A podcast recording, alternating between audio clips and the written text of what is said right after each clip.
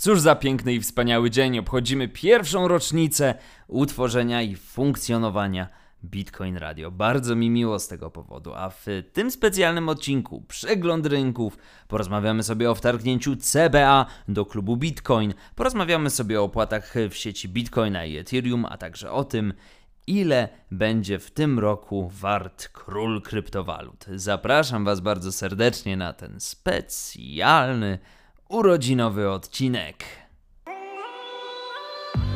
Bitcoin Radio. Polski podcast o kryptowalutach napędzany przez bitcoin.pl. Słuchaj w każdy wtorek na Spotify, Apple Podcast, Google Podcast lub na kanale YouTube Kryptoraport. Zacznijmy od przeglądu rynku kryptowalutowego. To, co się działo w ciągu ostatniego tygodnia, można by powiedzieć, że niektórych przyprawiło zawał. Ether zaczynał poniżej poziomu 2000, Bitcoin gdzieś ocierał się od 29, natomiast to, co jest najistotniejsze, to to, że w skali tygodnia gdzieś troszeczkę udało się te straty odrobić.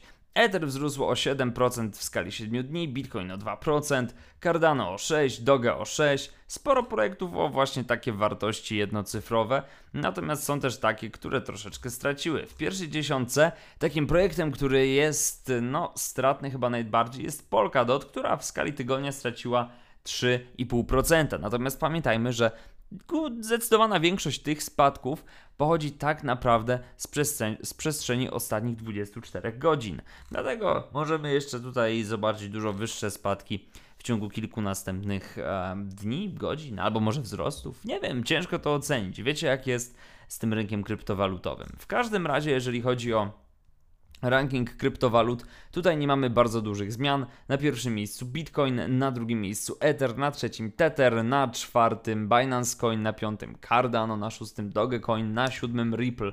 To jest w ogóle niesamowite, jak bardzo Ripple e, spadło w tym, w tym rankingu kapitalizacji. Przypominam Wam, że przez bardzo długi czas Ripple było uznawane za kryptowalutę numer 3 co jest no, dość dużym takim przeskokiem, dużą zmianą e, teraz, jeżeli sobie spojrzymy na to, że jest na miejscu siódmym.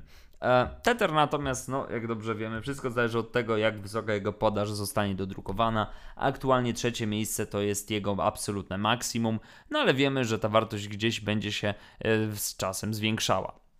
Dlatego zobaczymy, co dalej na rynku się wydarzy. My natomiast przejdziemy już do naszego polskiego wspaniałego poletka. Co się wydarzyło w Polsce? CBA i policja weszły do klubu Bitcoin.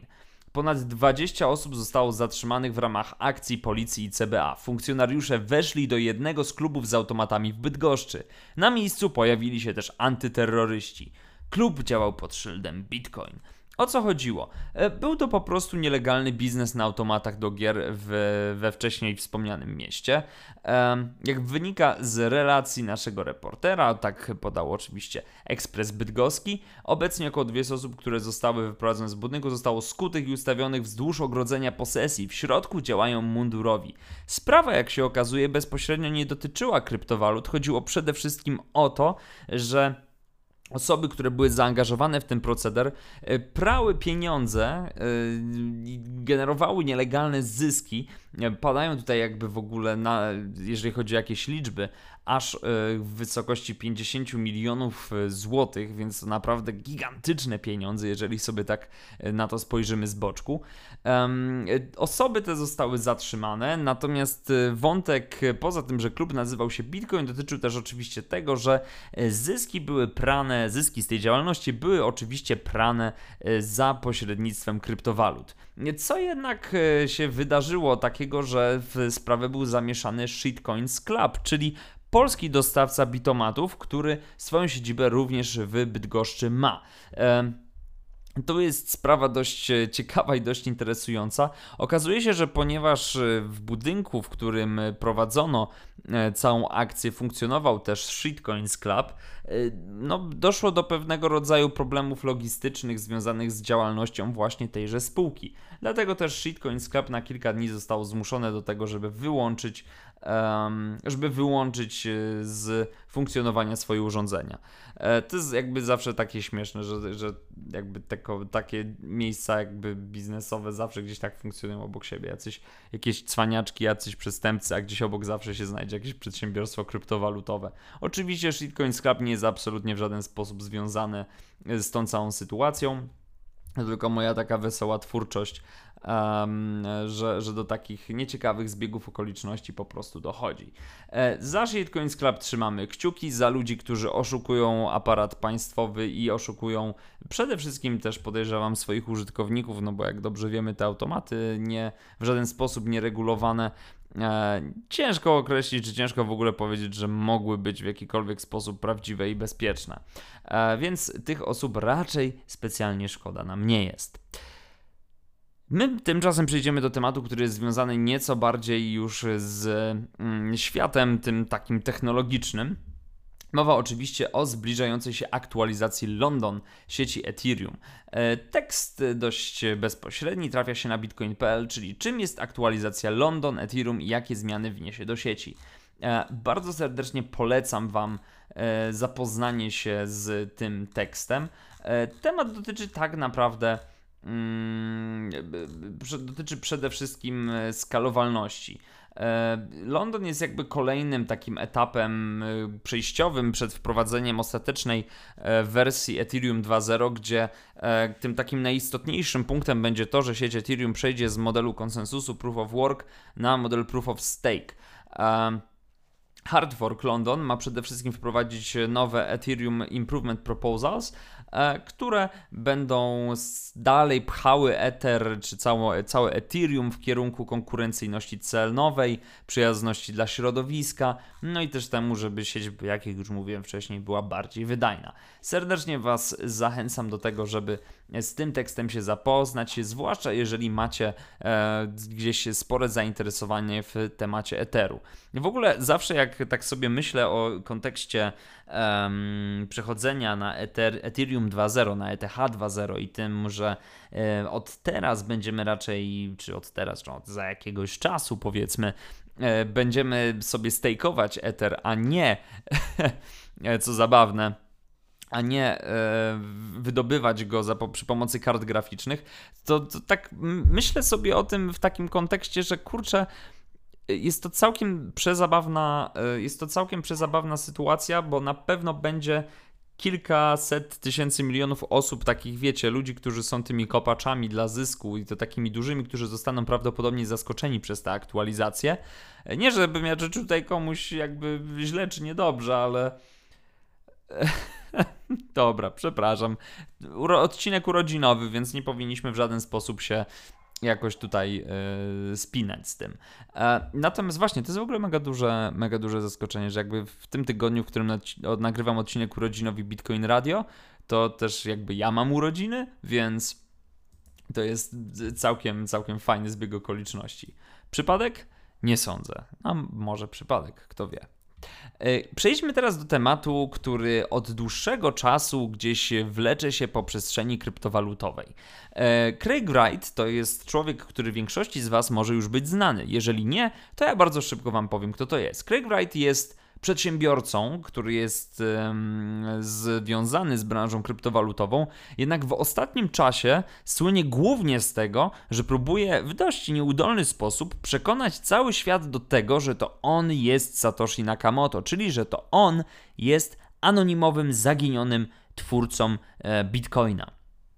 E, w kilku różnych sytuacjach i przy kilku różnych okazjach mm, e, Craig Wright już przegrywał sprawy, w których e, absolutnie nie był w stanie udowodnić, że to on stworzył chociażby white paper Bitcoina, albo że to on e, mógł twórcą pierwszej kryptowaluty być. Natomiast dokonał się pewien taki nieciekawy przełom w tej w sprawie, która teraz się toczy, dotyczy, w sprawie praw autorskich dotyczących. Um, właśnie white, paper, white paper, papera Bitcoina. Craig Wright teraz zmienił troszeczkę mm, swoje podejście i stara się przekonać, chyba zdaje się, że, że nie, y, proces chyba się odbywa w Stanach, ale nie jestem w 100% pewien. Y, stara się przekonać sąd do tego, że y, Bitcoin White Paper to jest dokument, do którego on ma jakiekolwiek prawa autorskie.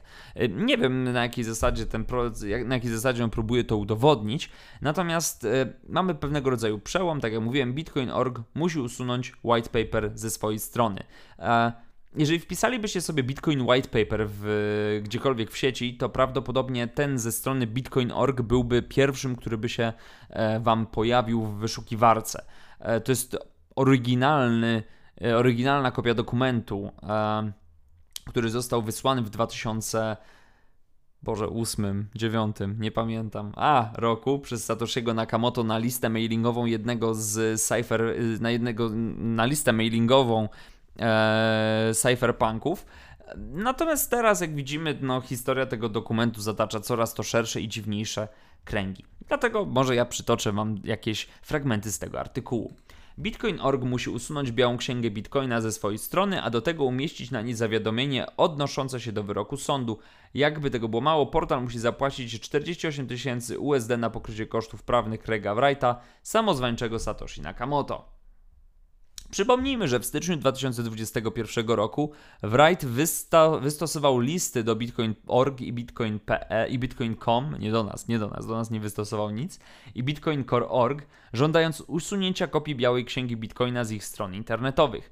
Twierdził, że naruszają one jego własność intelektualną, mimo że do dziś nie potwierdzono oficjalnie, iż Wright miałby być autorem wspomnianego dokumentu.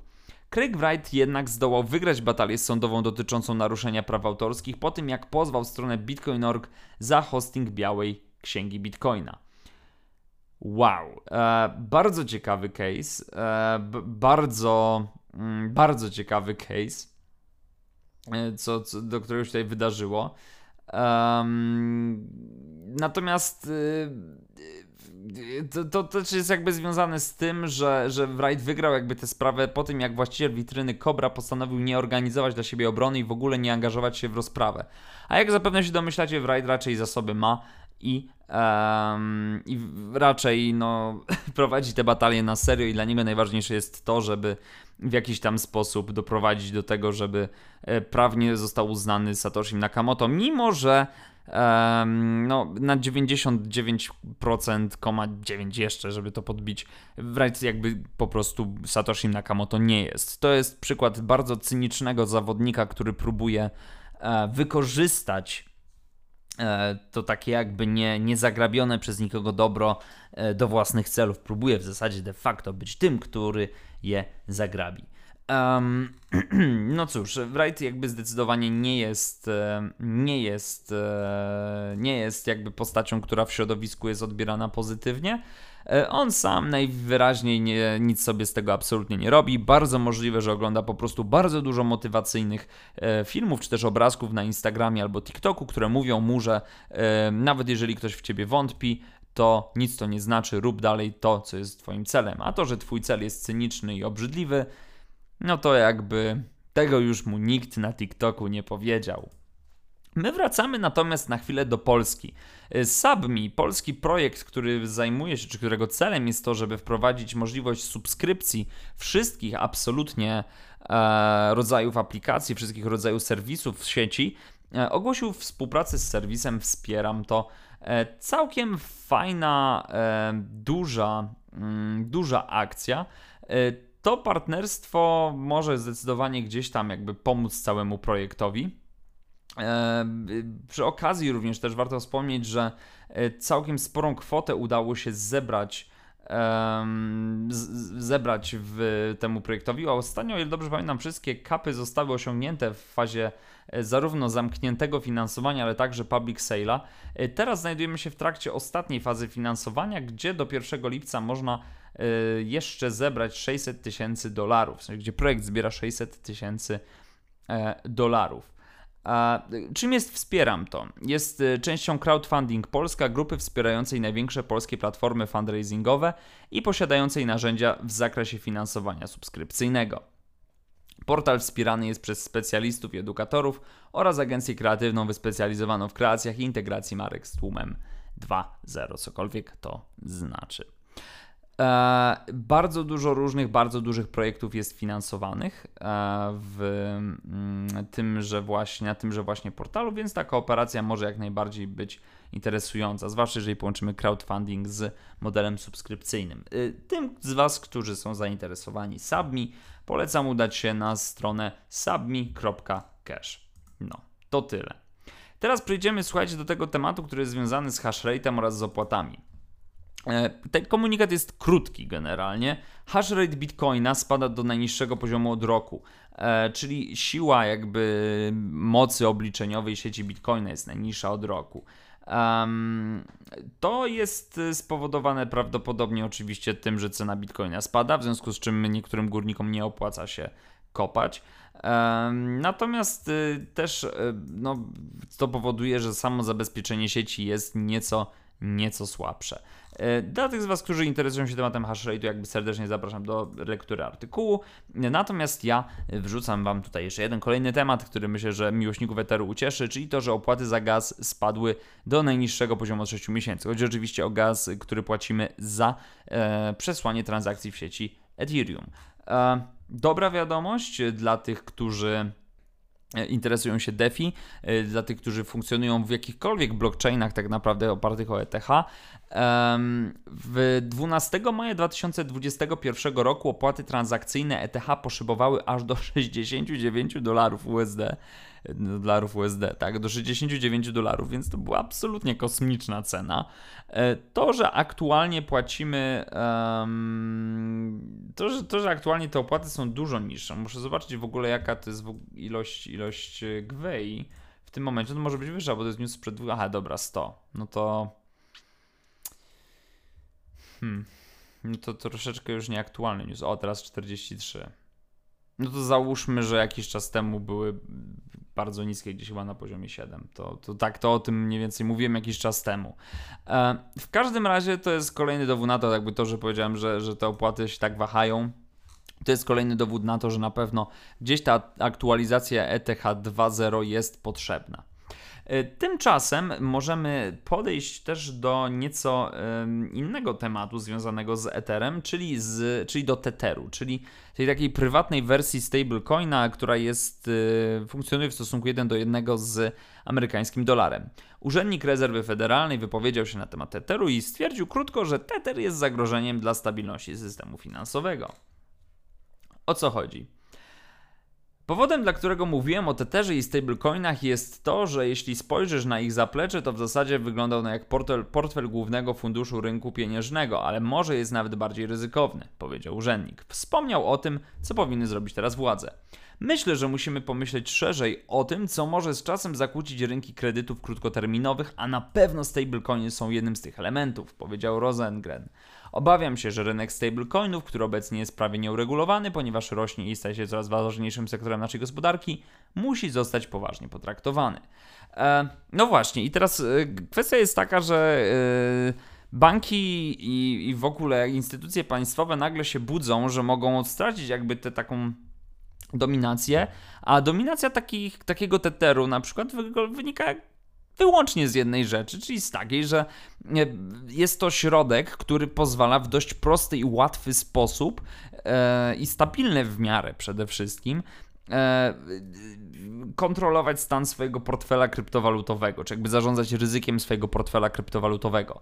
E, żadne państwo, póki co nie poczyniło żadnego, poza Chinami, nie poczyniło żadnego kroku, żeby wprowadzić taką właśnie zdecentralizowaną rewolucję do swoich własnych systemów monetarnych. E, to powoduje, że taki tether jest szczególnie atrakcyjny dla inwestorów krótkoterminowych. I ja się absolutnie nie dziwię, że wreszcie gdzieś w rezerwie federalnej ktoś stwierdził, że to może być w przyszłości poważny problem dla systemu finansowego. No bo państwo oczywiście chce mieć kontrolę nad, y, nad swoim systemem monetarnym, a jeżeli istnieje i funkcjonuje jakiś prywatny emitent, który bądźmy szczerzy, też jakoś super mega 100% do końca może nie mieć w przyszłości kontroli nad swoim tworem, no to to może być przyczyną jakiejś gigantycznej anarchii kiedyś i gigantycznego kryzysu w jednej z najsilniejszych gospodarek na świecie. E, więc od strony takiej regulacyjnej, no trzeba się zgodzić, że faktycznie w interesie Stanów, w interesie państwa, e, stan państwowości Stanów Zjednoczonych, tego typu działanie jest jak najbardziej pożądane. Czy jest pożądane przez nas? Nas, w sensie inwestorów kryptowalutowych? Nie wiem, nie mam pojęcia. E, wiele osób powie, że, że nie, pewnie, no bo to są osoby o podejściu antybankowym i antyrządowym. Ale z drugiej strony spójrzmy sobie na ten Tether. Czy Tether jakoś bardzo mocno się różni od banku? No, ostatecznie, moi drodzy, nie. A ci, którzy uważają, że w ogóle jakby banki nie wygrają z kryptowalutami, to. Ola Boga, guys, guys, guys. Ojeju, jeszcze sporo musicie się dowiedzieć. Aleks Maszyński. Bitcoin zdrożeje w tym roku do 160 tysięcy dolarów. Taka prognoza trafiła się nam. E, Aleks Maszyński to jest dyrektor i naczelny współzałożyciel Celsius, czyli scentralizowanej platformy pożyczkowej z rynku kryptowalut. W swoim wywiadzie dla Cointelegraph powiedział, że jego zdaniem Bitcoin zdrożeje w tym roku do 160 tysięcy dolarów. E, skąd w ogóle się wzięło takie, takie mm, gdzieś jakby przeświadczenie. E, przede wszystkim e, Maszyński się odniósł do tego, że jeżeli Bitcoin zdrożał do 60 tysięcy dolarów tak szybko, no to oczywiście musiał przejść przez korektę. Co jest bardzo miłe, co jest bardzo eleganckie, dziękuję. Nie wiedzieliśmy, że, że korekty powinny jakby no, mieć miejsce. Kiedy idziesz za wysoko i za szybko, jesteś zobowiązany do korekty. Możesz zobaczyć moje tweety zarówno w marcu, jak i lutym, mówiące będziemy mieć spadki, będziemy mieć korektę. Przewidywałem 30 tysięcy dolarów. Bitcoin jest jak sprężyna. Zbyt wielu ludzi stało się zachłannymi. E, tak, to jest prawda. Natomiast e, pamiętajmy, że w sytuacji, kiedy, kiedy sobie Bitcoin już spadł, to łatwo jest mówić, że się mówiło o spadkach, bo prawdopodobnie każdy kiedyś z tych kryptowalutowych analityków tak mówił. E, jedyny John McAfee miał jaja, żeby się ośmiesz ośmieszyć tak mocno, żeby się założyć, że zje swojego członka na antenie narodowej telewizji, jeżeli Bitcoin do końca 2020 roku nie osiągnie miliona dolarów. E, wszyscy pozostali jakby takich jaj nie mają.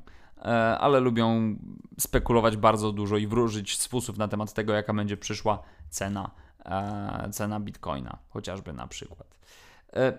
E, Cóż, trudno jest y, to przewidzieć.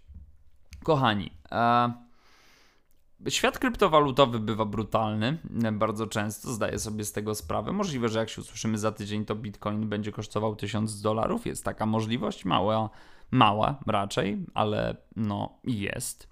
E, natomiast ja bardzo serdecznie chciałem Was e, zaprosić do tego, żebyście e, słuchali Bitcoin Radio, polecali swoim znajomym, zostawili sub. Nie, no żartuję, słuchajcie. Znamy się już troszeczkę czasu, cieszę się e, z tego, że przez ostatni rok tutaj jesteście i że mnie słuchacie. Mam nadzieję, że zostaniecie na dłużej. Jeżeli macie jakieś sugestie albo pomysły dotyczące treści, dotyczące tego, o czym chcielibyście słuchać trochę więcej, to serdecznie zapraszam Was do kontaktu pod adresem jędrzejmałpa.bitcoin.pl. Ja tymczasem się z Wami żegnam i mam nadzieję, że już za tydzień będę mógł przekazać lepsze wieści niż to, że Bitcoin jest poniżej 30 tysięcy dolarów? 100 lat.